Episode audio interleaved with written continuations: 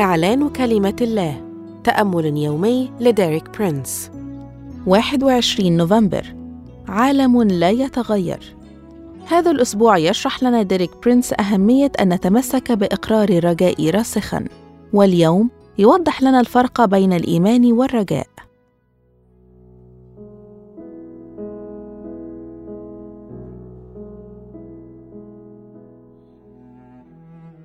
هناك تعارض بين الإيمان والعيان.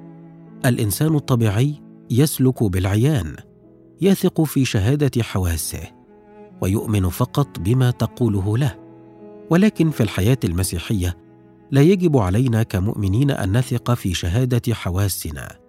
يخبرنا الرسول بولس في رسالة كورنثس الثانية خمسة العدد سبعة أننا بالإيمان نسلك لا بالعيان.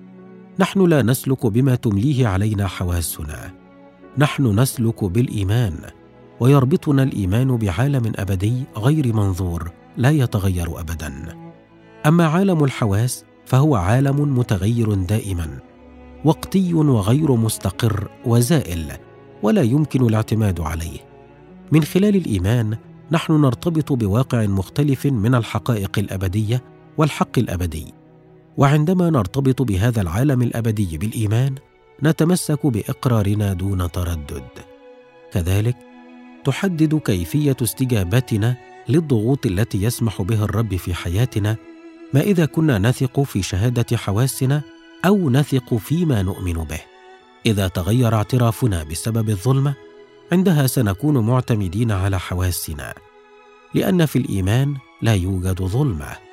الإيمان لا يعتمد على الحواس لأنه يرى بالعين الروحية الداخلية عالم لا يتغير ويثق في رئيس كهنتنا يسوع المسيح الذي لا يتغير. يقول يعقوب بخصوص هذا الموضوع في يعقوب واحد الأعداد من ستة إلى ثمانية ولكن ليطلب أي المؤمن بإيمان غير مرتاب البتة لأن المرتاب يشبه موجا من البحر تخبطه الريح وتدفعه. فلا يظن ذلك الإنسان أنه ينال شيئا من عند الرب. رجل ذو رأيين هو متقلقل في جميع طرقه. يصف هذا الجزء المؤمن المتردد. في البداية نجده يطلب بإيمان وبدون شك ولكنه لم يتمسك بإيمانه راسخا. ونتيجة لذلك يتخبط ذهابا وايابا. تدفعه الريح والأمواج والعلاج هو أن نتمسك باعترافنا دون تردد.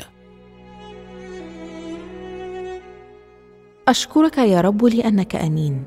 أنت تعطيني الرجاء. أعلن أني لن أحيا معتمدا على حواسي بل سأحيا بالإيمان وأني سأتمسك بإقراري راسخا دون تردد. آمين. لمزيد من الكتب والعظات لديريك برينس قم بزيارة موقعنا www.dpmarabic.com